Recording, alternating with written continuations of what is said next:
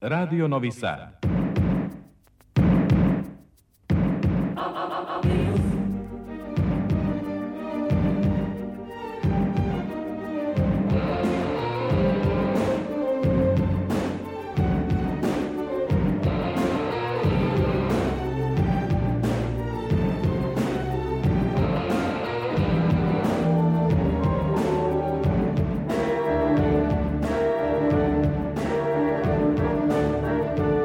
Spektar.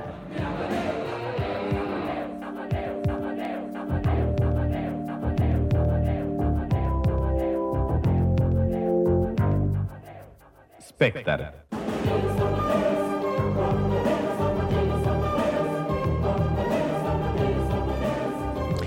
10 sati i 13 minuta, dobro vam i ovo poslednje septemarsko veče. Dragi slušaoci, slušate Spektar, magazin za kulturu Radio Novog Sada. I na početku emisije ukratko o sadržaju. U Narodnom pozorištu Sterija traje 29. vršačka pozorišna jesen. U Srpskom narodnom pozorištu ove sedmice premijera komada Što na podu spavaš Darka Cijetića i Kokana Mladenovića. U Muzeju savremene umetnosti Vojvodine u programu Hod sa vodom naredna tri dana polazna tačka, tačka umetničkih radova i promišljanja biće naša izložba na Bijenalu umetnosti u Veneciji. Izložba Sava Šumanović i evropski realizmi između dva rata u galeriji Pavla Beljanskog, a od ponedeljka i u Šidu. Gost spektra je i slovenački pesnik Aleš Šteger. E to su nam glavne teme večeras. Ja sam Aleksandra Rajić. Ostanite uz spektar narednih sat i po. I love the colorful clothes you wear And the way the sunlight plays upon her hair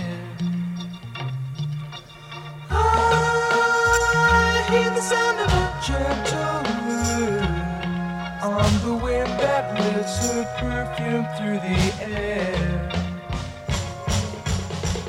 I'm picking up good vibrations.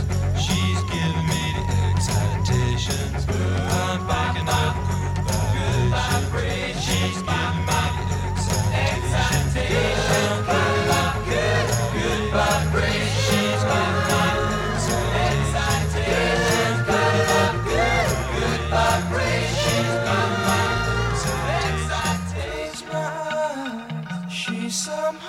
closer now. Softly smile, I know she must be kind.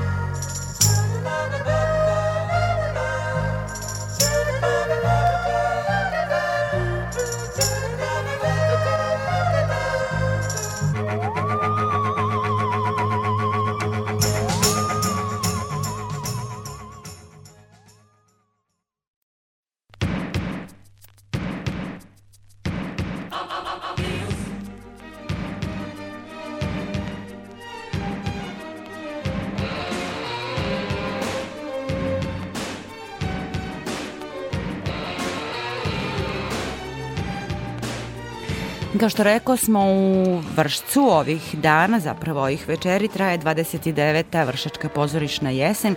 Druga predstava takmičarskog kruga bila je predstava Mesec dana na selu Ivana Sergejevića Turgenjeva u režiji Milana Neškovića i u izvođenju Narodnog pozorišta Užice. Publika je, kaže naša Ana Čupić, koja prati festival u Vršcu, bez daha pratila izuzetan pozorišni čin i užičke glumce uspešne u autentičnim likovima iz Turgenjevljevog sveta. Tom prilikom razgovarala je i sa rediteljem Milanom Neškovićem kroz uh, ovih koliko dva sata smo videli na sceni, ali kako biste vi u jednoj rečenici opisali komad mesec dana na selu i šta on vama predstavlja i znači? Pa, odmah, pa najteža pitanja. U jednoj rečenici bih rekao magični realizam nedosanjanog života. On odiše ceo Turgenjev koji je bio u stvari zapadni pisac. On eh, jeste bio Rus, ali on je ceo svoj život u stvari proveo na zapadu i dosta je njega uticao najviše francuski romantizam i francuski klasicizam. I on je doneo taj duh u Rusiju i mnogi su se, mnogi pisci su se razvijali po njemu. Tu je i neka veza, u stvari mene i šta on meni u stvari znači ovaj, ovaj komad.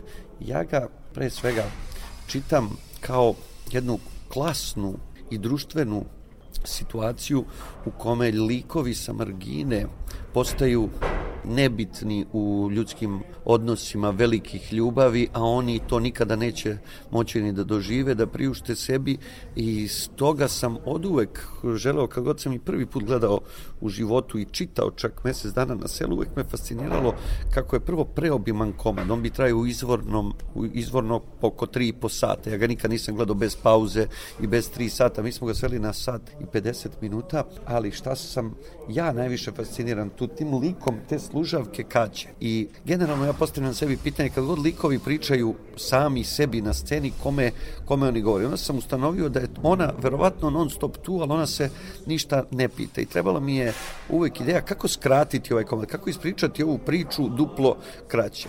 E onda kada sam otkrio da mogu to da ispričam kroz vizuru služavke, šta je služavka u stvari čula u tim peripetijama ljubavnim koje nije trebala da prisustuje, ali oni ne obraćaju pažnju na nju. To je ono što mi kao publika dobijamo od informacija zapleta ovog komada. A on je dosta baziran, kad se vratimo sada na Francuze, on je dosta u stvari baziran, ovo je ruska verzija opasnih veza u stvari.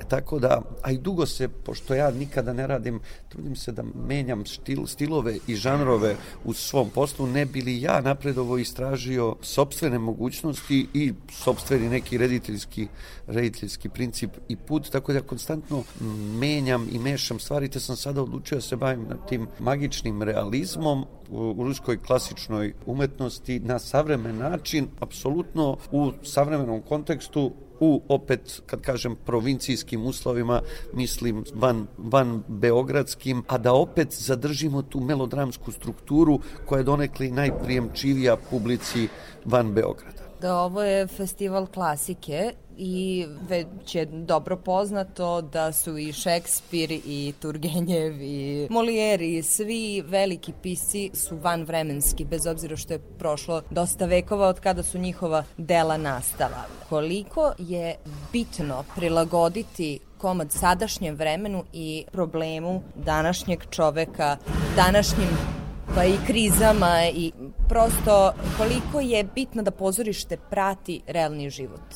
Da, pre svega bi odvojio dve stvari. Jako dobro, pametno pitanje. E, jednostavan odgovor bi bio jako je bitno, a sada ću dati jedan komplikovan. Kao što nas uče uvek da istinito nije uvek verovatno, verovatno nije uvek istinito, tako i realnost i realizam su stvari dve različite apsolutno stvari. U realnosti može da se dogodi ono što je istinito, a nije verovatno. U realizmu može da se dogodi ono samo što je verovatno. Čak je i Jan Kot rekao baš o Šekspirovim tragedijama da danas raditi Šekspirovu tragediju bez trunke humora i duhovitosti je apsolutno marginalizovano onda sam Šekspirov komad, zato što vreme ne odgovara uopšte vremenu od pre 500 godina. Ukoliko si se odlučio da pričaš neku priču sada, ne moraš ti da je, da je menjaš, da je osavremeniš u kostimu, u scenografiji, ali moraš da je osavremeniš u odnosima tu priču, da njihovi odnosi budu prepoznatljivi savremenom gledaocu. Da to bude odnos. Ja zato jedina otprilike intervencija na Turgenjevu direktnom koja je promenjena jeste što mladi ne persiraju jedni drugima. Zato što ja mislim da je danas nemoguće to objasniti u redu. Mi možemo i dalje da se držimo konvencije da mladi persiraju svim starijima, donekle i svojim ujacima i bližnjim, stariji da persiraju mlađima iz njihovog poštovanja i klasnih raz razlika i u stvari i slojeva, ali to da mladi presiraju jedni drugima je automatski postaje, verujem mladim ljudima, neuverljivo i odmah daleko od njima, zato što oni ne mogu da prepoznaju zašto bi ja kada se muvam sa nekom uh, devojkom ili se ona zaljubljuje u mene, zašto bi mi persirali jedno drugome kada smo isti godine. Evo, kad krenemo od te, na primjer, banalnosti, makar na tom nivou mi moramo doneti odnose onima kakvi su danas, kakvi su u današnjoj porodici, kakvi su u današnjem društvu, kakvi su u današnjoj školi, i, iako su to porodice od pre 200 godina, ako je to škola od pre 300 godina i iako su to ljubavni problemi od pre 400 godina. I onda kažemo, u pa nije se toliko promenilo. Jeste, promenilo se mnogo, nego je apsolutno režija, dramaturgija, predstave uticala na to da savremeni gledalac kaže, e pa nije se vreme mnogo promenilo. Baš zato što je neko to uzeo i problemski aktualizovao određenu temu ili fenomen. Da li ćemo ponovo gledati možda Acu Popovića. Pa, hoćemo sigurno. Mislim, gledat ćete ga... U čujem, bliskoj budućnosti. čujem, mislim da sam čuo da je Egon Savin radi, radi razvojni put Bore Šnajdera u JDP-u, tako da siguran sam i Egon radi fantastično Aleksandra Popovića. Mislim da jedino se on i ja i bavimo time šalu na stranu, stvarno profesor će to siguran sam uraditi spektakularno, a ja daleko od toga da sam završio sa Aleksandrom Popovićem, prvo on, on čovek ima mnogo, mnogo tekstova, mislim da je on napisao preko 80 dramskih tekstova zajedno sa TV dramama, to je preko 150, a ubrajam tu i TV drame zato što je, na primjer, Svinski otac TV drama, a postala je poznatija kao, kao, pozorišni, kao pozorišni komad, baš kad ga je radio profesor Egon Egon Savin, tako da daleko sam ja od završetka svoje karijere, a samim tim i od završetka saradnje sa Aleksandrom Popovićem kad se toliko dobro slažemo, čak sam u nekim pregovorima inicijalnim da to možda bude već u ovoj sezoni i to ovde u Komšiluku u, Vojvodini u Zrenjaninu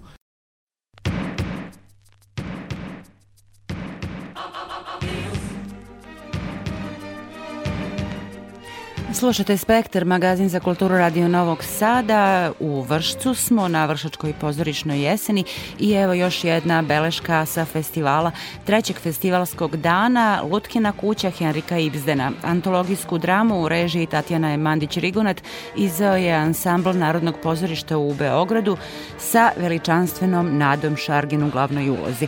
Predstava kakva dugo nije viđena na sceni Narodnog pozorišta Sterija. Rediteljka Tatjana Mandić-Rigonat je u stilu poetskog realizma, a kroz prizmu savremenog sveta, publici otvorila pogled na ovo remek delo, kaže Ana Čupić, koja se nakon 100 godina ponovo igra na sceni Narodnog pozorišta u Beogradu, a razgovarala je dakle sa rediteljkom Tatjanom Mandić-Rigonat.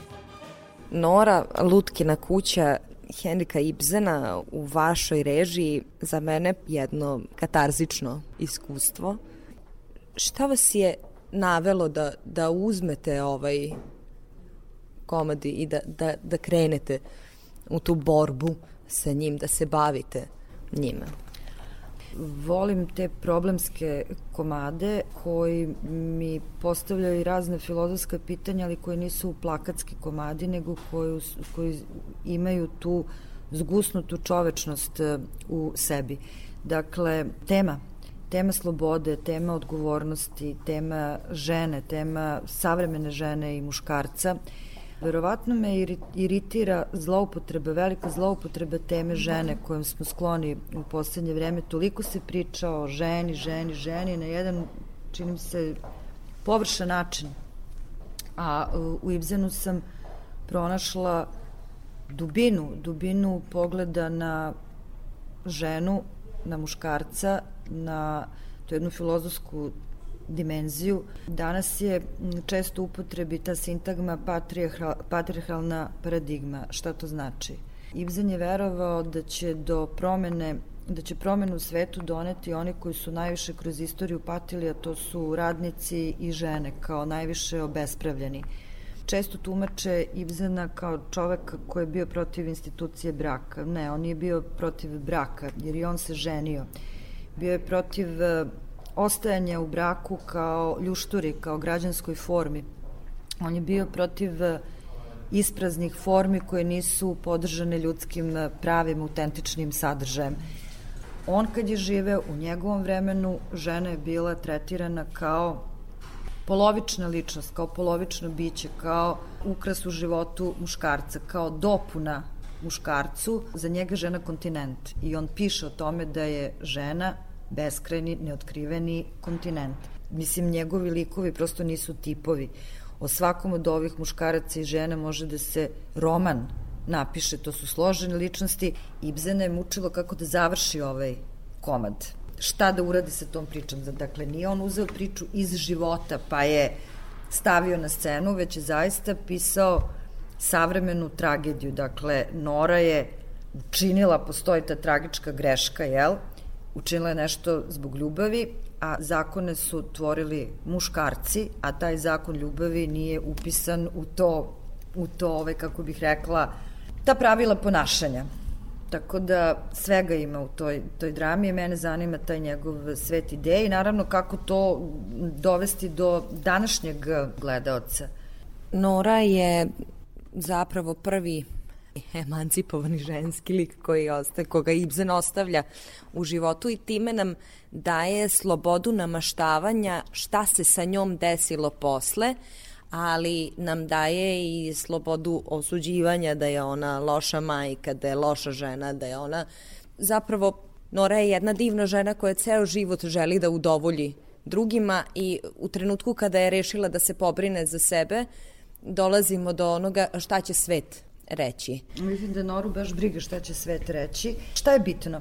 Šta god bude bilo posle, znači posle te noći kada ona izlazi iz kuće, to će biti njena odluka. Žudnja za transformacijom na simboličnom planu e, odnosa muškarci i žene, bio to brak, e, ali kad pričamo o braku, jedno je pričati o braku kao građanskoj formi, a drugo je na tom višem nivou pričati e, kao o zajednici muškarca i žene. Mislim da Ibsen ismeva ljušturu i formu koju sebi nema sadržaj, a zalaže se za sadržajan odnos između pola koji se ne može dogoditi bez transformacije jednih i drugih.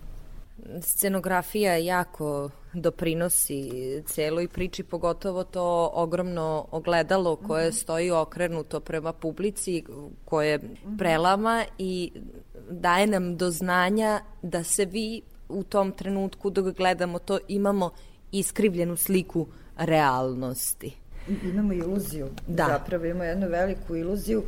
Scenografija Branka Hojnika je kao jedna hipertrofirana slika nečega što, posto, što je postojalo u svakoj građanskoj kući, a što postoji i dan danas. Klavir, ogledalo, božićno drvo kao jedan falusni simbol, jel? te stepenice koje vode ka višim sferama, taj plafon koji pritiska Znači, gore su Helmerove prostorije, jel? E, gore porodice žive, znači postoji taj moment gore-dole i mi vidimo Nora je jedini lik koji na scenu ulazi od nas u Narodnom pozorištu iz lože. Ona ulazi u svoj svet iluzija, a ruši taj četvrti zid kad silazi kod nas dole u publiku na kraj. Znači, izlazi iz te bajke, iz te iluzije, ali ta scenografija uh, uveličava znači te momente m, tipično građanskog prostora do jedne m, dimenzija uh, katedralnosti jer e, ne smemo zaboraviti da taj muškarac, taj Helmerov dom, da to nije dom bilo kog čoveka, nego to je dom čoveka koji je direktor banke i koji se gadi ljudi kojima daje kredite, znači osjeća gađenje prema pozajmicama, a to mu je posao, mislim, to mu je profesija. Znači, taj, taj moment eh, licemerja profesionalnog, mislim, on je čovjek našeg doba, mislim, on je potpuno transparentno čovjek našeg doba, tako da ta eh, visina eh, tih kulisa, taj plafon, mislim, ta scenografija je stvarno kao neki hram koji je uvučen što dublje mm, kanala. Tako da imamo i voajersku poziciju, a s druge strane svesni smo da to nije obična soba, nego da nešto stremi ka gore i kakve su to stepenice koje vode do gore, da. Da i još bih samo jednu stvar dodala, to je da je muzika apsolutno fantastična. To, to sam upisala i u, i u adaptaciju da želim Fanny Valentine, mislim, to smo odmah tražili I, o, zato što to je eklektična predstava, znači ima tu arhaizma, mislim, ali e, preko muzike, preko raznih tih e, momenta čulnih, mi se povezujemo i sa današnjim vremenom, Love Me, Love Me, Love Me, mislim David Bowie. Preko muzike se povezujem, znači tu postoji komponovana muzika Irene Popović, Dragović, ali to što je komponovano zapravo to su obrade motiva iz uh, te čuvene pesme koju peva Rita Hayworth, koja je negde light motiv jednog prvog dela predstave, Fanny Valentine drugog i onda kroz Bovija mi zapravo zaokružimo celu tu priču. Znači to su variacije muzičke na te tri kompozicije. never mind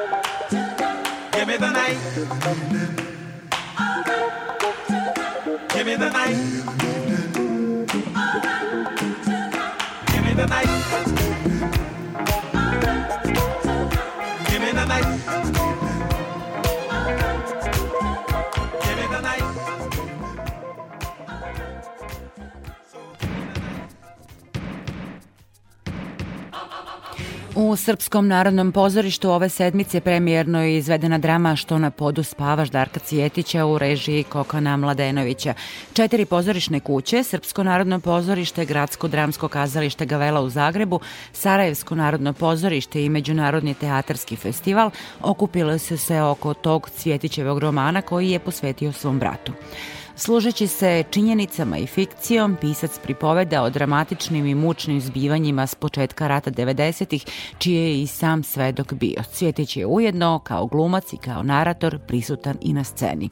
O procesu rada na toj drami i razlozima za postavljanje sa rediteljem Kokanom Mladenovićem razgovarala je Ivana Maletin-Ćorilić.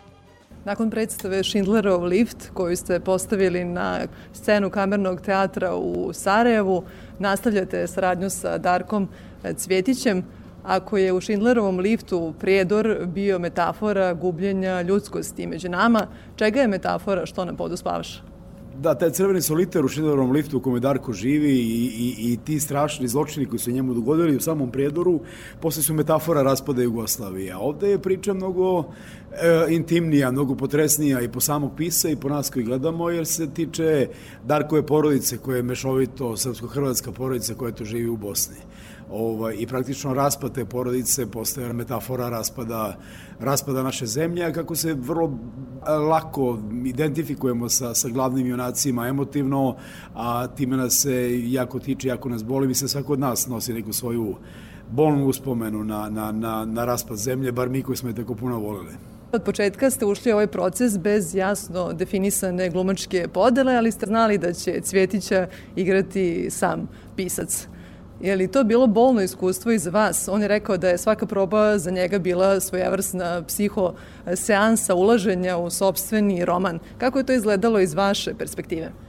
Darko Svjetić je jedna veličanstvena pojava u kulturi naših prostora i a, tom ličnom moralnošću koja se očitava u svim njegovim delima, a i načinom na koji funkcioniše, živi i piše, on jeste jedan onako primer uh, uh, kakvi smo svi mogli da budemo kad bismo bili znato bolji nego što jesmo.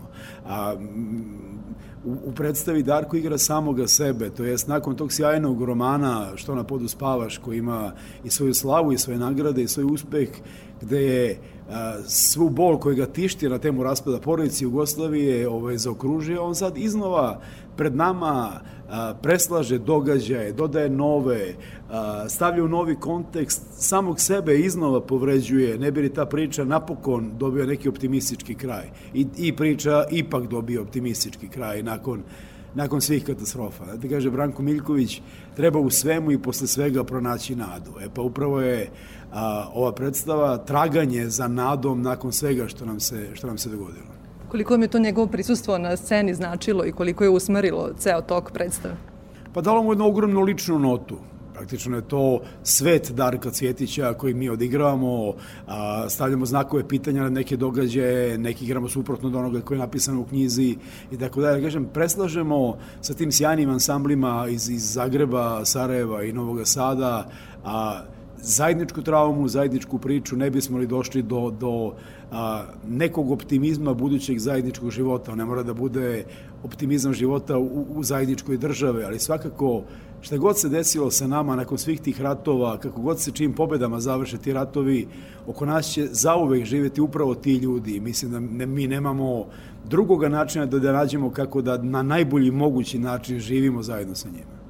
Da, budi optimizam sama činjenica da je u stvaranju predstave učestvovalo četiri teatarske ustanove iz tri države. Kako ste uspeli da ih umrežite i spojite na ovom projektu? Ja imam sreću da je to meni moj posao omogućio da, da, da živim u sobstvenoj zemlji, to je u Jugoslaviji. i mnogo više vremena provodim van Srbije nego u samoj Srbiji.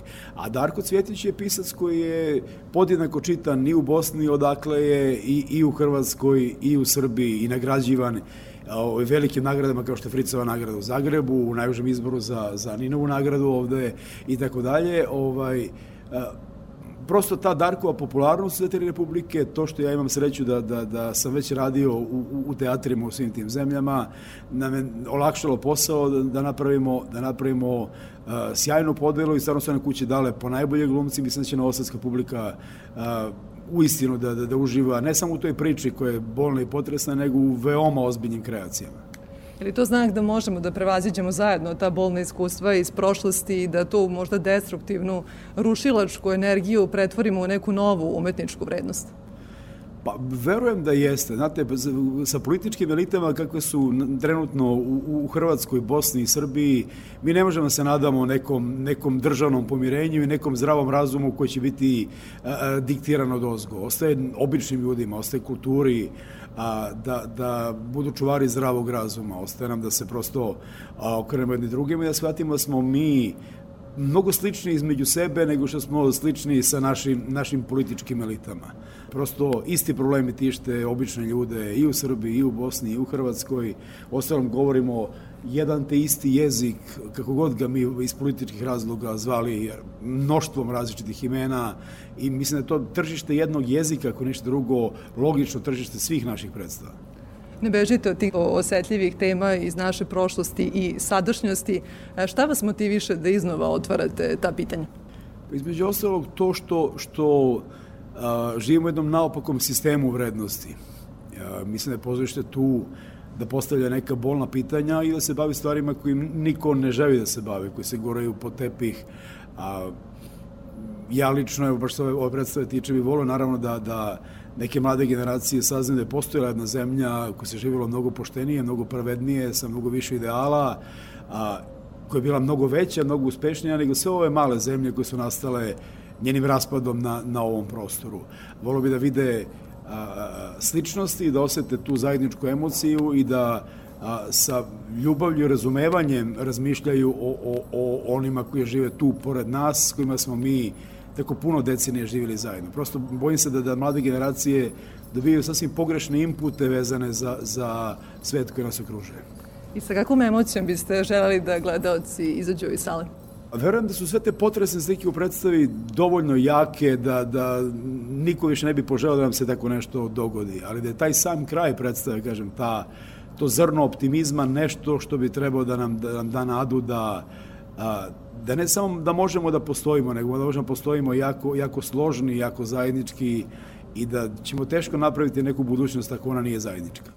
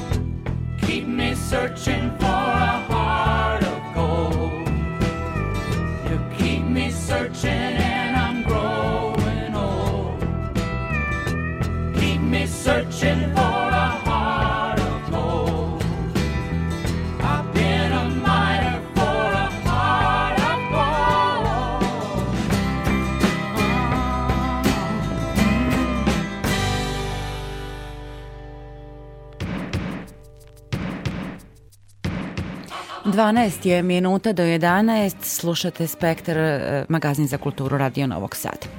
Izložba Sava Šumanović i evropski realizmi između dva rata postavljena je u spomen zbirci Pavle Beljanskog, a od ponedeljka 3. oktobra deo postavke biće otvoren i u galeriji slika Sava Šumanović u Šidu. Projekat je realizovan u okviru Evropske prestonice kulture. Dela našeg velikog slikara publici će biti dostupna do 4. decembra, a opširnije o svemu tome Vesna Farkaš.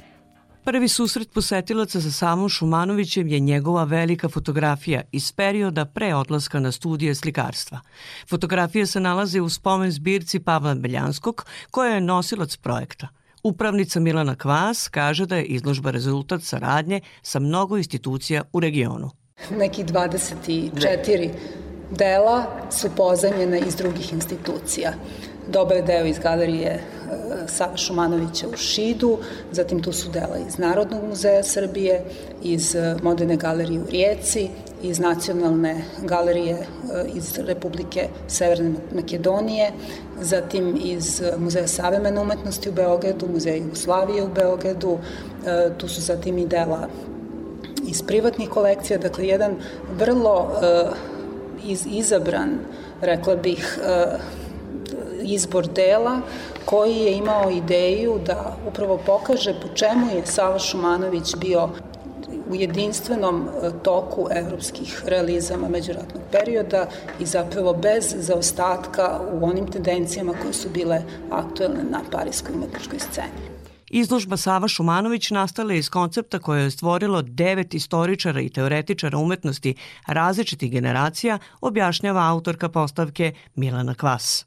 Moram da naglasim da je konceptualna osnova za ovu izložbu upravo katalog izložbe, da smo okupili tekstove devet izuzetnih stručnjaka iz naše struke, iz istorije umetnosti, poput profesora Igora Borozana, Lidija Merenik, Zvonka Maković iz Zagreba, zatim e, mlade autorke Sofija Milenković koja je magistrirala na Sorboni upravo na temu uticaja Lotove škole na Šumanovića, zatim Ane Ereš koja je takođe stručni saradnik na fakultetu, zatim koleginice Gordane Krstić-Faj koja je u Parizu i koja je imala u prilici da istraži parijske arhive. E, dakle, ukupno devet autora je radilo na tom sjajnom katalogu koji je dakle bio neka osnova za osmišljavanje celokupnog projekta i dodaje da posebnu vrednost ima original slike Tursko kupatilo. Posebno moram da naglasim veliki poduhvat pozajmice dela Tursko kupatilo iz Nacionalne galerije Republike Severne Makedonije,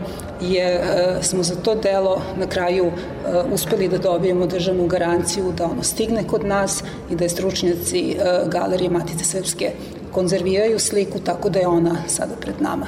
U ponedeljak u galeriji slika Sava Šumanović u Šidu biće izložen ciklus Šidijanke, najavljuje direktorka Jovana Lakić. Postavka je posvećena čuvenom jedinstvenom ciklusu Šidjanki. Kod nas je izloženo 54 dela.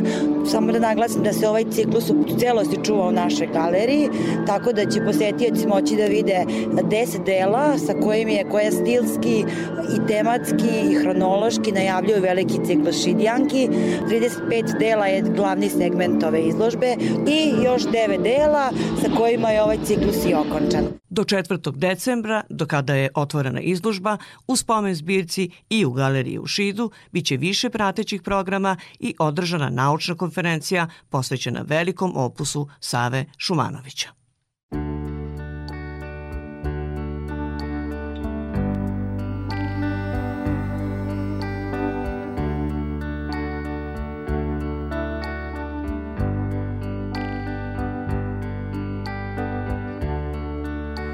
The day is long.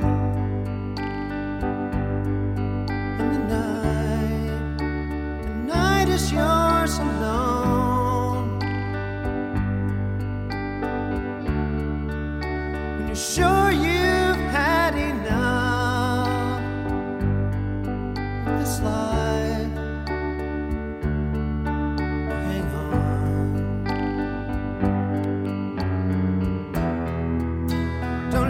yourself go.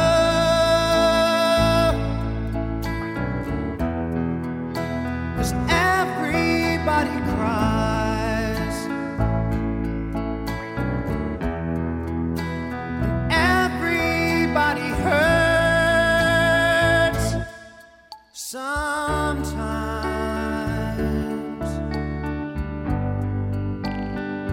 Sometimes everything.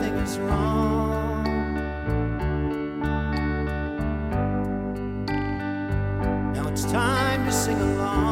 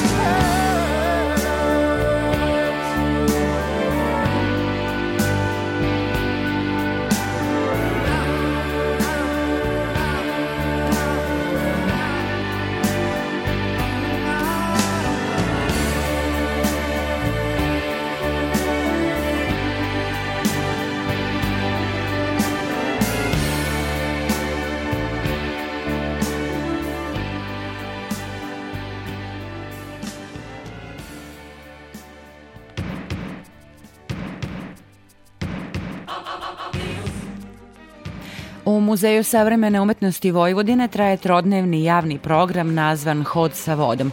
Kustoskinja Biljana Ćirić u Novi Sad dovela je Vladimira Nikolića koji isto imenom postavkom predstavlja Srbiju na 59. bijenalu u Veneciji. Koncept novosadskog programa umetničkih izvođenja, radionica i druženja sa publikom zasnovan je upravo na tom radu kao početnoj tački. Prva u nizu umetnika bila je novosađanka Andreja Palašti sa svojom pešačkom turom na Dunavskoj promenadi.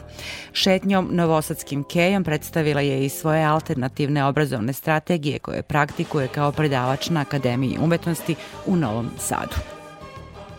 Biljana Ćirić me je pozvala kao umetnicu i pedagoškinju. Znala je da u protekle dve godine već razrađujem ideju o povezivanja umetnosti i Dunava.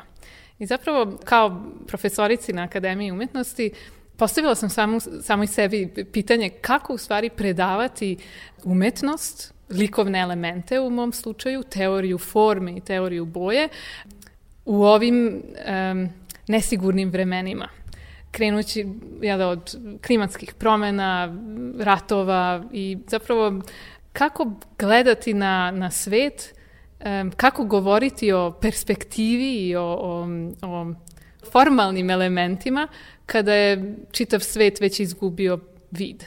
Što znači da se i ta vrsta uh, pojmova i umetničkih i teoretskih ljuljaju danas u, u ovom kontekstu? Da, zapravo sve je negde fluidno i zavisi od tog nekog konstantnog fluksa i upliva različitih elemenata politike, ekonomije, ekologije, umetnosti. I e, ono što pokušavam sa svojim studentima jeste da razradimo tu ideju da umetnost nije neka izolovana sfera i nije, e, pa čak ni likovni elementi i boja nije nešto što se lako uči iz učbenika kao neka teorija ili definicija. Pa otuda i ova alternativna šetnja na, na Keju Novog Sada, gde pokušavam da e, ukažem na to kako zapravo Dunav menja svoju boju u zavisnosti od e, istorije, politike, geografije i ekonomije, ekologije. To je nešto što i studentima inače predajete Da, zapravo je krenulo odatle. Ovo je prvi put da sam izvela um, ovu šetnju uh, pred um, drugom, drugačijom publikom. Sa studentima radim na tome da prvo zamislimo koje je boje Dunav, a onda na licu mesta zapravo dolazimo do tog saznanja da na mestu gde imamo kanalizacioni ispust, zapravo uveravamo se da Dunav postaje brown. Ako se vratimo u istoriju, drugi svetski rat i, i, i raciju u Novom Sadu, Dunav postaje crven. Tako da negde pokušavam da ukažem na, na, na tu fluidnost i na, i na promenu značenja e, umetnosti kroz druge kontekste. Da, ako nije banalno, možda čak i e, u ovom performansu svojevrsnom, dakle u ovom jednom šetnji kroz Novi Sad, odnosno po Keju, možda čak i onaj klasičan pojam akvarela dobio neko drugačije značenje. Čak sam i, ovaj, da, e, posebno naglašavam da na čas treba doći sa vodenim bojicama i da u stvari koristimo dunavsku vodu za, za oslikavanje.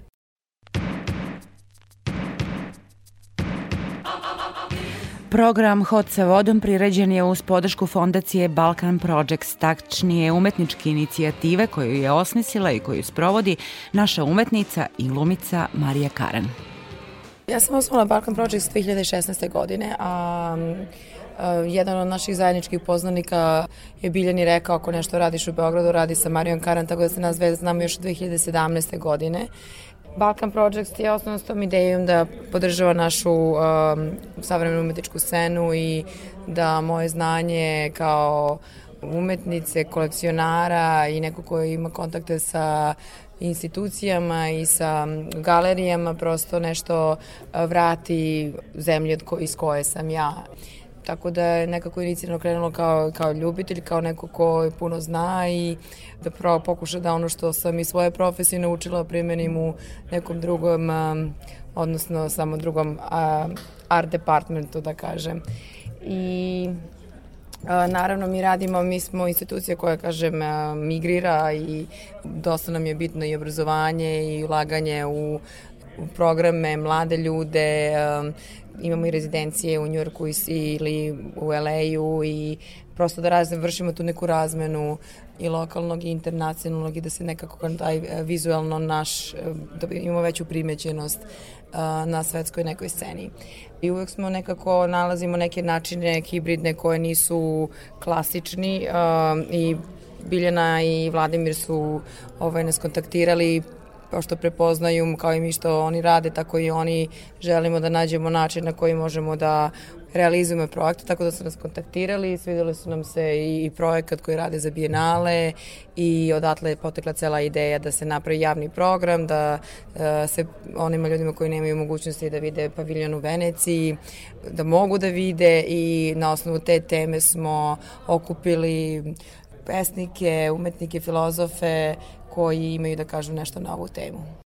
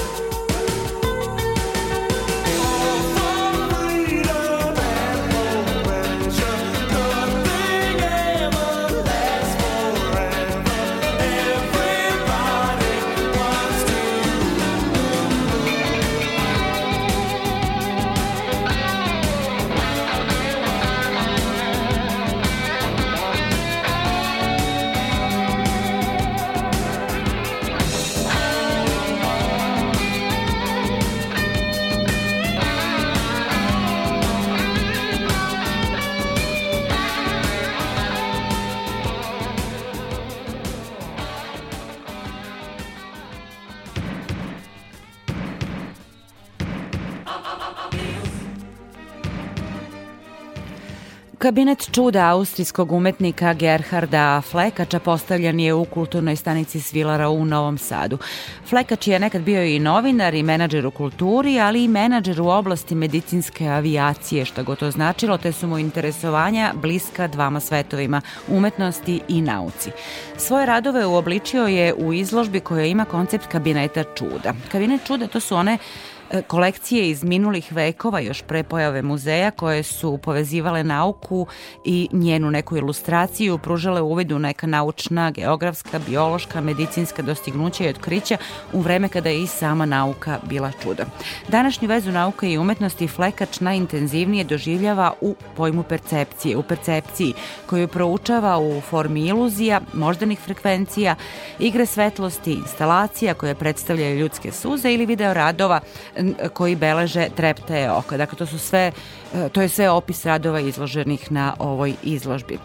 E, Flekač razmišlja o dvosmernom procesu, prezentaciji nauke o umetnosti i ulozi umetnosti koja, kako kaže, čini naš mozak merljivo boljim. Evo kako objašnjava svoj koncept. When I was uh, sitting and talking with uh, Violetta Drakovic from Svilara, uh. Dok sam sedeo i razgovarao sa Violetom Đerković iz Svilare, imao sam ideju da starom kabinetu čuda iz 18. veka dam savremenu reinterpretaciju. I tada su umetnost, nauka i tehnologija bile usko povezane. Pomislite samo na Leonarda da Vincija koji se bavio slikarstvom, ali je izumeo razna tehnološka otkrića, kaže austrijski umetnik. Te stvari, te dve stvari, umetnost i nauka, umeđu vremene su se razdvojile, ali mislim da se u današnje vreme ponovo sastaju. To je zato što, naročito u medicinskoj tehnologiji, imamo stvari kao što je snimanje pomoću magnetne rezonance, tokom kog možemo posmatrati svoj mozak dok radimo nešto. Postoje mnoge studije o uticaju posmatranja likovne umetnosti ili slušanja muzike, o tome šta se dešava u našem mozgu. Nova otkrića su tako fantastična, kaže Flekač. Recimo, u jednoj školi polovina dece iz razreda je tokom odmora poslata u muzej, a druga polovina je otišla na užinu. Posle dva meseca grupa koja je odlazila u muzej pokazala je mnogo bolji uspeh u učenju jezika. Umetnost snažno utiče na mozak i gradi nove sinapse u belom moždanom tkivu. Smatram da je ovo bilo potrebno uraditi jer se čuda odvijaju u mozgu. Razmišljao sam o tome šta staviti u taj savremeni kabinet u današnje vreme. Treba staviti naglasak na percepciju jer na njoj zasnivamo svet i individualnost. Zato sam u postavku uključio i 80 litara suza. Otkriveno je da osoba u proseku tokom života toliko plače. To se odnosi na osjećanja i na saosećanje. Odnosi se na nešto važno u društvenom životu i u komunikaciji. Hteo sam da vizualno prikažem te aspekte. Ne daju nam odgovore, ali sam hteo da skrenem pažnju na njih, kaže Gerhard Flekač. kind of visualize all these aspects. I don't give answers, but I want to draw attention to these things. Kustos, likovni kritičar i umetnik Danilo Vuksanović ovako interpretira umetnost Gerharda Flekača. Pa razmišljajući o toj izložbi može da bude samo jedna istina, to je ona koja nije do kraja ispitana. Nauka e, današnja je zasnovana na racionalnosti i na ispitivanju i nijedan naučnik vam neće dati neku paušalnu ocenu ili sud dok to dobro ne proveri. Kod umetnika je taj postupak sasvim drugačiji.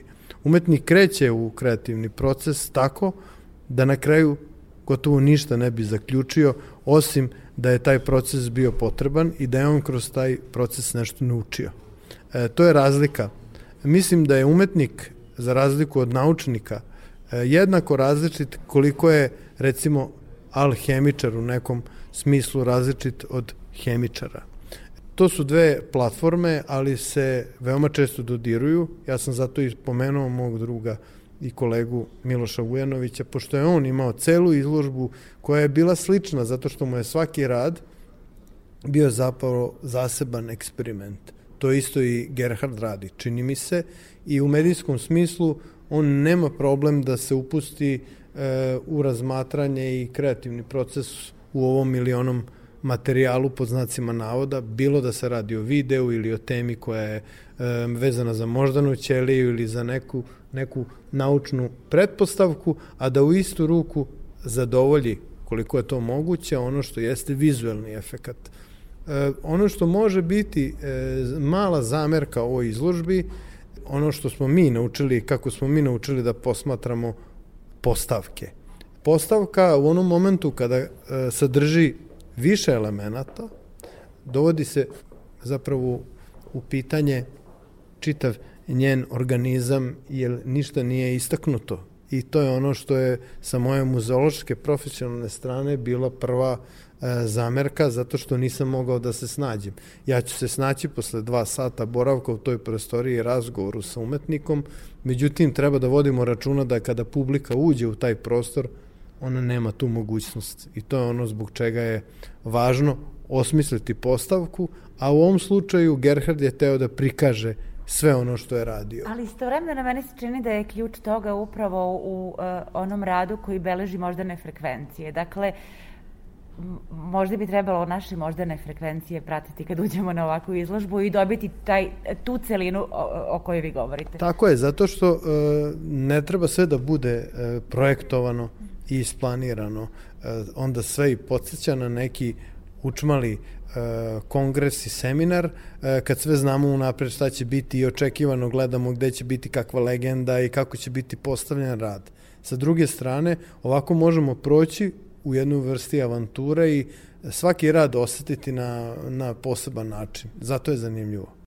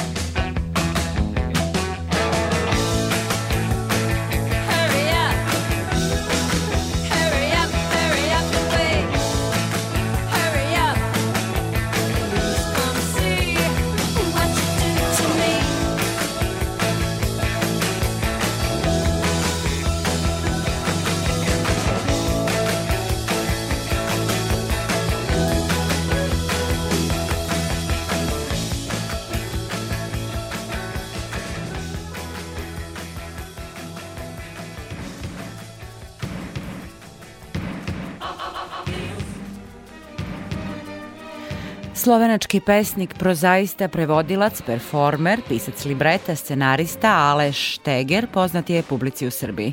Prošle godine objavljen mu je roman Odrešenje i knjiga poezije Vratit će se svet. Šteger je među najprevođenijim slovenačkim autorima i dobitnik mnogih uglednih međunarodnih priznanja. Bio je nedavno gost u Novom Sadu na Proze Festu, gde je izveo i performans Odrešenja. Sa Alešom Štegerom razgovarala je Tatjana Novčić-Matijević. Pa ja sebe smatram pesnikom koji voli da surađuje sa drugima. I za mene naravno reći sve, sve tišine koje ih podržavaju reći je totaliteta. Sve možemo da kažemo reći. Samo ponekad se može iti i dalje. Ili barem može se tražiti dalje u nekom pravcu. I puno interesantnije je da se traži sa nekom zajednički. Jer je to toliko teško e, na ovom svetu. Mi smo svi solipcisti. Svi volimo da imamo pravo. Reći kad, kad su oslobođene, kad su napunjene značenjem, one stvaraju neki, neku prostoriju između. Nešto šta nema više puno veze sa, sa mnom kao osobom, sa mojom biografijom, sa time što sam ja htio ili nisam htio reći. I traže naravno čitaoca, traže da čitaoc u interakciji sa ovim između oživi ove reči i da je napravi nešto. I da bi se ove reči što više odaljile od mene, da bi mi bile što veći stranci. Ponekad lakše mi je kad, kad sam s prijateljima. Bilo da su to muzičari, kompozitori, nekad slikari. Ja to volim. Ja znam da to često kod kritičara stvara malo sumnje šta sad o- ovaj opet radi, ali po drugoj strani meni je to neki, mm, neki vir velikog zadovoljstva. Puno toga sam naučio zbog ovih pokušaja. Da li su uspješni ili ne, to je druga stvar, ali puno, puno sam naučio. I mislim da sam se i kao čovjek baš menjao. Da me baš ovo iskustvo, ne samo iskustvo pisanja, nego iskustvo kroz pisanje surađivati sa drugim ljudima napravilo za drugog čovjeka. Hoćete da kažete da je zapravo ta potreba za, za dijalogom, za komunikacijom, bez obzira koliko vi bili suvereni u, u reči, nije dovoljno. Dakle, ta reč, ta suverenost nije dovoljna. Potrebno je to istraživanje. Ja bih rekla po vašoj biografiji da ste vi veliki istraživač i geografskih prostora, ali i umetničkih prostora. Mm, to je velika slast. Kad jednom počneš, postoji uvijek tamo ovo veliko nepoznato, teško, teško um, ostvarljivo, ali nekako realno. I onda kad se pruža neka prilika, to, to, to onda slediš i pokušavaš da napraviš najbolje. Na primjer, pre nekoliko godina su me zvali iz Indije, iz, iz Kočeja, gdje imaju veliki bijenal vizualnih umjetnosti. Ali ove godine su radili i su imali neki akcenat na instalacijama pesnika. Pa su zvali onda po jednog pesnika svake celine, pa smo mogli napraviti šta, šta, šta ho, mislim, šta smo hteli, na neki način naša storica nas je bila. Raul Zurita, na primjer, iz, iz Čila, koji je napravio, poplavio jednu veliku halu slanom vodom i napisao ogromno pesmo o utopljenim migrantima u Mediteranu. Ja sam došao tamo i na neki način bilo je veoma slično načinu kako nastaje pesma ili, ka, ili š- šta je na početku nekog romana, to je neka slika, neka slika koja te ne zapusti. Ja sam tamo između ovih velikih hala gdje imaju izla, inače izložbe vidio jednu takvu betonsku strukturu, e, trougao betonski. Ja sam znao, aha, sada ćemo napraviti jednu piramidu. Oni su me pogledali rekao sam, pa vi ste rekli da mogu napraviti šta hoću. I onda smo izgradili 12 metara visoku piramidu sa lavirintom unutra, i instalacijom, zvučnom instalacijom pesmi o egzilu 12 pesnika u 12 jezika. Znači, neko ko uđe u ovu piramidu sam izgubi osjećaj za orijentaciju, jer je bilo skoro sasvim tamno unutra i, i čuje reći, reći na različite jezike, ali iskustvo je jedno, iskustvo eksila. Na primjer, to su neke mogućnosti koje se ti pružaju, ali ne, inače ne bi nikada nešto tako napravio sam, nego ako, ako postoji ona mogućnost, onda, onda to slijedim. I onda je naravno, čovjek se znađe na nekom mjestu gdje se moraju odlučiti kojim putem sada kao umjetnik ide dalje. A za mene tu nikada nije postojalo pitanje. To za pitanje mene, ne? Za mene je to uvijek bila riječ. Bez reči teško da bi i bilo komunikacije sa, sa ostalim umetnostima, ne? Naravno. I mene je uvijek interesiralo šta, šta mi ova komunikacija sa drugim umjetnostima da za moje reči. Šta Ne, vama vrati? Šta, šta meni vrati i šta, e, gdje mene I koriguje. šta vam vrati? Rekli ste da ste drugi, druga osoba. U umetničkom smislu druga osoba. Jeste. Odnosno, koliko to utiče na, na vaše pisanje, na, na pomeranje poetike, na drugačiji izraz? Zavisi kako. Naravno, na primjer, e, surađivanje sa kompozitorima, e, pisanje libreta, to je nešto što duboko utiče onda na samo pisanje, jer i, i je ipak jako e, često radimo na veoma eksperimentalnim projektima.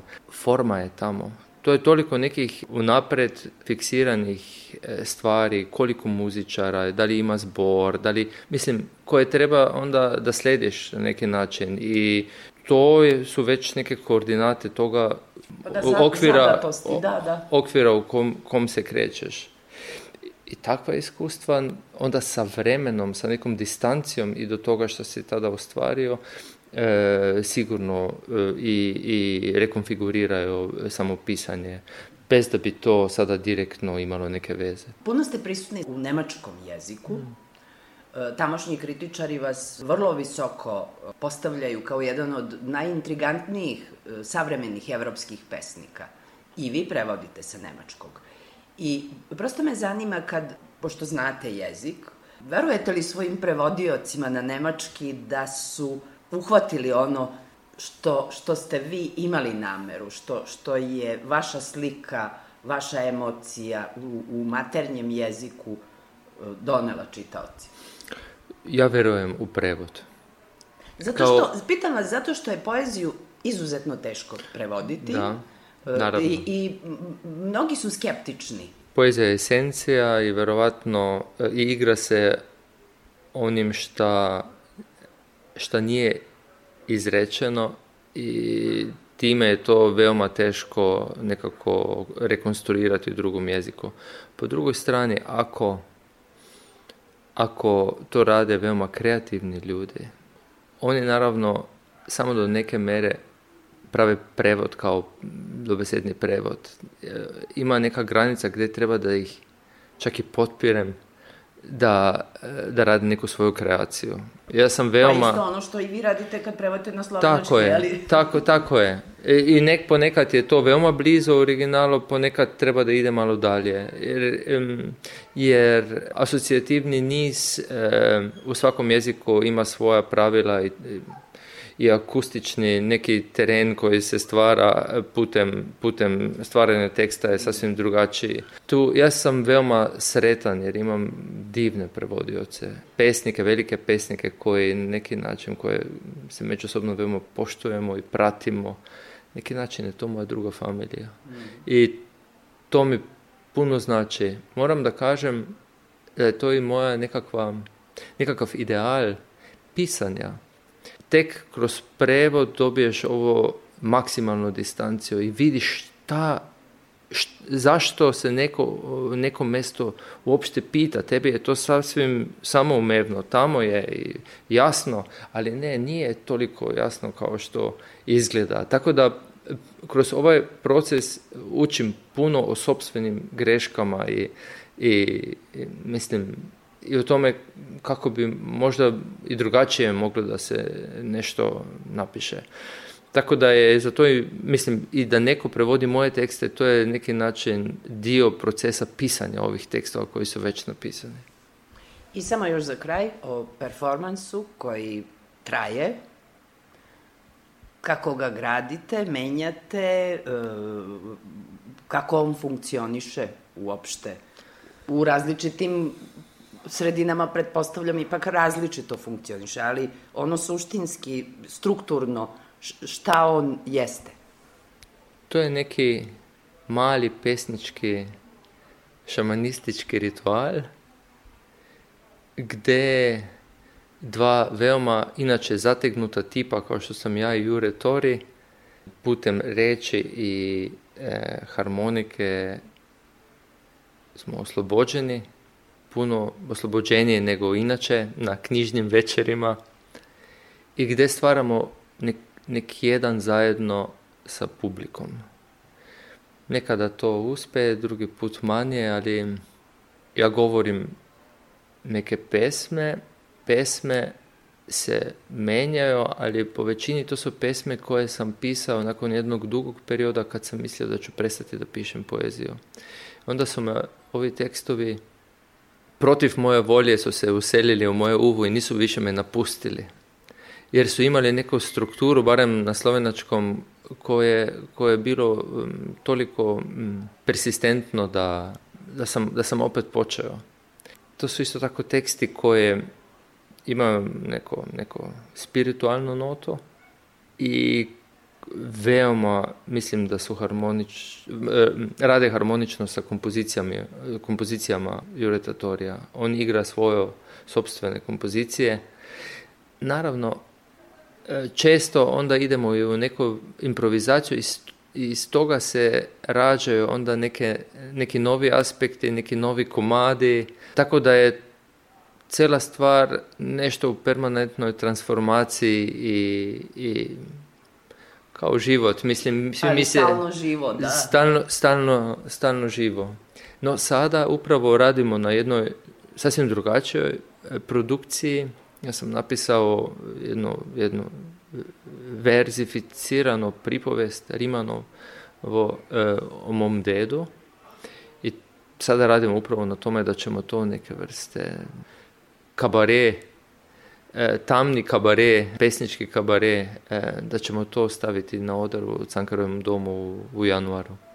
Mi svi na neki način smo živeći paradoksi u sebi ja verujem da imamo svi u sebi velike potencijale, ne samo regeneracije, nego i transformacije. I mislim da upravo tu ima umjetnost, literatura, neko važno mjesto u našem, našem životu i društvu. Da je to neki trigger koji nas navodi tome da, da se menjamo i da menjanje prihvaćamo. To nije samoumevno, to nije nešto što, što nas uči naša civilizacija, što nas uče naša društva naprotiv. Ali mislim da je veoma potrebno da bi kao ljudi opstali kao duhovna, živa, empatična bića.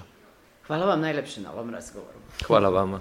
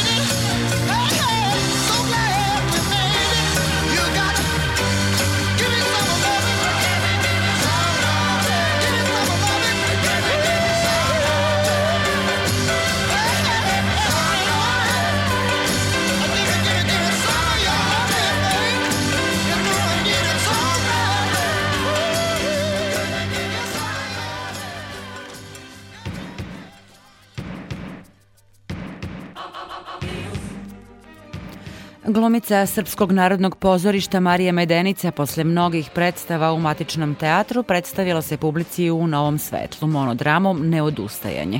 To je ujedno i njen doktorski rad u kojem na kritički i duhovit način progovara o problemima esnafa i sudbini dramskih umetnika, o pitanjima na koja, kako kaže, često ni sama nema odgovor. Sa njom je razgovarala Ivana Maletin-Ćorilić. Monodramom ste nazvali neodustajanje. Koliko puta ste razmišljali da odustanete od glume i zašto ne? E, to je dobro pitanje, hvala vam.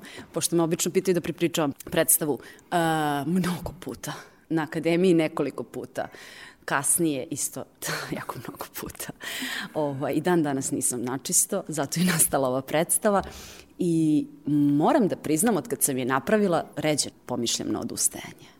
Ili to znači da ste uspeli da sahranite pozorište u sebi, da vas ne bi sahranili u pozorištu? Nisam sigurna, E, rvemo se i rvaćemo se do kraja, ali borba je velika. Nisam sigurna ni da bih mogla drugačije da živim sa bilo čim do čega mi je jako mnogo stalo. Zato su ta velika razmišljanja i previranja uvek prisutna. Monodrama neodustajanje je vaš doktorski rad na Akademiji umetnosti u Novom Sadu. Ova predstava pruža gledaocima neki drugačiji uvid u pozorište, ali vama pružila drugačiji pogled na profesiju koju ste definitivno absolvirali? E, Ma nisam je još absolvirala, ovo je maratonska trka i ćeraćemo se još, što se kaže. Ali e, jesam spoznala, e, rodila se neka nova ljubav prema pozorištu. E, Bile su te neke probe kada je sve već bilo postavljeno i kada je isticam okolnosti ova kamerna scena bila prazna jer nismo mogli da se okupimo ovaj, uvek da imamo generalne probe Tonac, Svetlo majstor i ja, pa sam ja dolazila sama da probam. I tad mi se um, desila nekakva konekcija sa mojim matičnim srpskim narodnim pozorištem koju do tad nisam imala. Zapravo ja nikada nisam bila sama na probi ja sam u svom stanu postavila 90% monodrama i tako dalje, ali baš da budem sama na probama u pozorištu, to mi se dugo, dugo nije desilo, osim kad sam kao mlada glumica dolazila da isprobavam neke stvari pre svih glumaca, tipa u 8-9 ujutru. Ali ovo je bilo specifično jer sam celu probu radila sama, imala sam sve vreme ovoga sveta i nekako sam se povezala na jedan poseban način sa pozorištem. Ovim, konkretno i ovom zgradom i uvek mi je lepo da baš ovde igram, iako dosta gostujemo i putujemo, posebna je ovde atmosfera i osjećanje moje, verovatno s kojim ja ulazim u ovakva igranja. Oprobali ste se i u različitim ulogama i pisali ste tekst i bukvalno sami režirali. Jeste. Zamolila sam neke svoje drugare dramaturge da mi pomognu pre dve godine i oni su rekli, ali sve to što ti hoćeš i o čemu pričaš, to ćeš mnogo ti bolje sama napisati. Ja sam bila u fazonu, vidi, ne, neću ja to sama brže, bolje i ostalo, jače. Ali sam se e, odlučila da to traje dve godine i to je stvarno trajalo jako dugo i merila sam svaku reč i pažljivo sam birala neka sredstva i rediteljska i tako dalje ali ne može glumac sam u pozorištu. U jednom trenutku su mi, mi je priskočila u pomoć Maja Grgić, rediteljka, na par proba je došla, ali smo e, raščistile neke moje nedoumice i tu je onda nekako se i desila predstava. Da, često smo vas gledali u velikim ansambl predstavama. Je li bio za vas izazov da sami stojite na sceni pred publikom ogoljeni da govorite o nečemu što je vaš život? Jeste, e, s tim da sam ja to nekako prežvakala sama sa sobom dok sam pisala i dok sam postavljala i učila tekst. I onda tek kad je sve prošlo, ja sam pomislila upravo na ovo o čemu vi pričate, a to je odakle mi petlja za sve ovo. Ali nekako sam valjda obrađivala dugo i onda je to nekako sazrevalo i prirodno je bilo da se i pojavi pred publikom kad sam ja nekako emotivno napravila određenu distancu prema materijalu.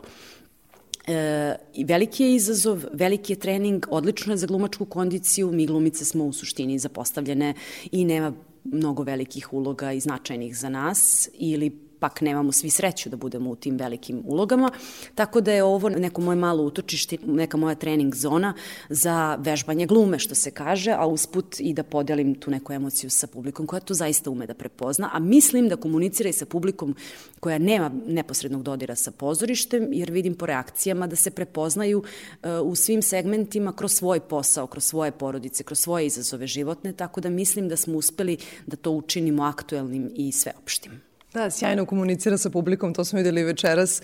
Izgleda kao neka iskrena, intimna ispovest nekoga iznutra. A gledajući sa strane, neko bi rekao da ste imali lag put, brzo ste dobili angažman u Srpskom narodnom pozorištu. Šta su vam godine donele? Imate sad tu privilegiju da birate uloge i da sami diktirate tempo? Nisam sigurna. Ja verujem da glumac treba što više da igra. Ja sam nekada izlazila iz projekata jer prosto nisam mogla sve da postignem. Zaista mi u poslednje dve godine doktorat bio primaran, ali da, slažem se, imala sam tu privilegiju. I svi me pitaju kao, a kad si se ti zaposlila? Ma ljudi odmah. Ali ja progovaram u ime svih ovih mladih koji posle nas su nezaposleni godinama ili čekaju stalni angažman. Poslednjih godina se ta situacija u konkretno u mom pozorištu promenila sva sreća, ali je uh, ostalo to da se u većini Srbije to ne dešava na tako lak način kao kod nas i to je ono što sam ja htela ovde da tematizujem i problematizujem, da se čuje glas tih mladih koji, koji nisu imali tu moju sreću. I za kraj igrate u pozorištu koje neguje ipak klasičan repertoar ili priželjkujete neke nove forme i pisce i u kom pravcu biste želi da se razvija dalje vaša karijera? I ima dovoljno dobrih pisaca, samo ih treba staviti na scenu. E, moj neki utisak je da smo u deficitu sa rediteljima, sa idejama, E, možda smo u deficitu i sa glumačkom ponudom, ja to ne znam, ja sam samo glumac e, koji traži neki svoj put i pokušava sebi da prokrči put na najčestitiji mogući način. Ne vučem ljude za rukav da budem u podelama, radim sve što mislim da treba, čemu mogu da odgovorim adekvatno. E, isto tako e, kažem kada na nešto nisam spremna. Tako da, da, priželjkujem svašta nešto, a šta će se od svega toga desiti, evo, poslednjih 15 godina se nije ništa spektakularno desilo, ali eto, možda sad hoće, ne znam.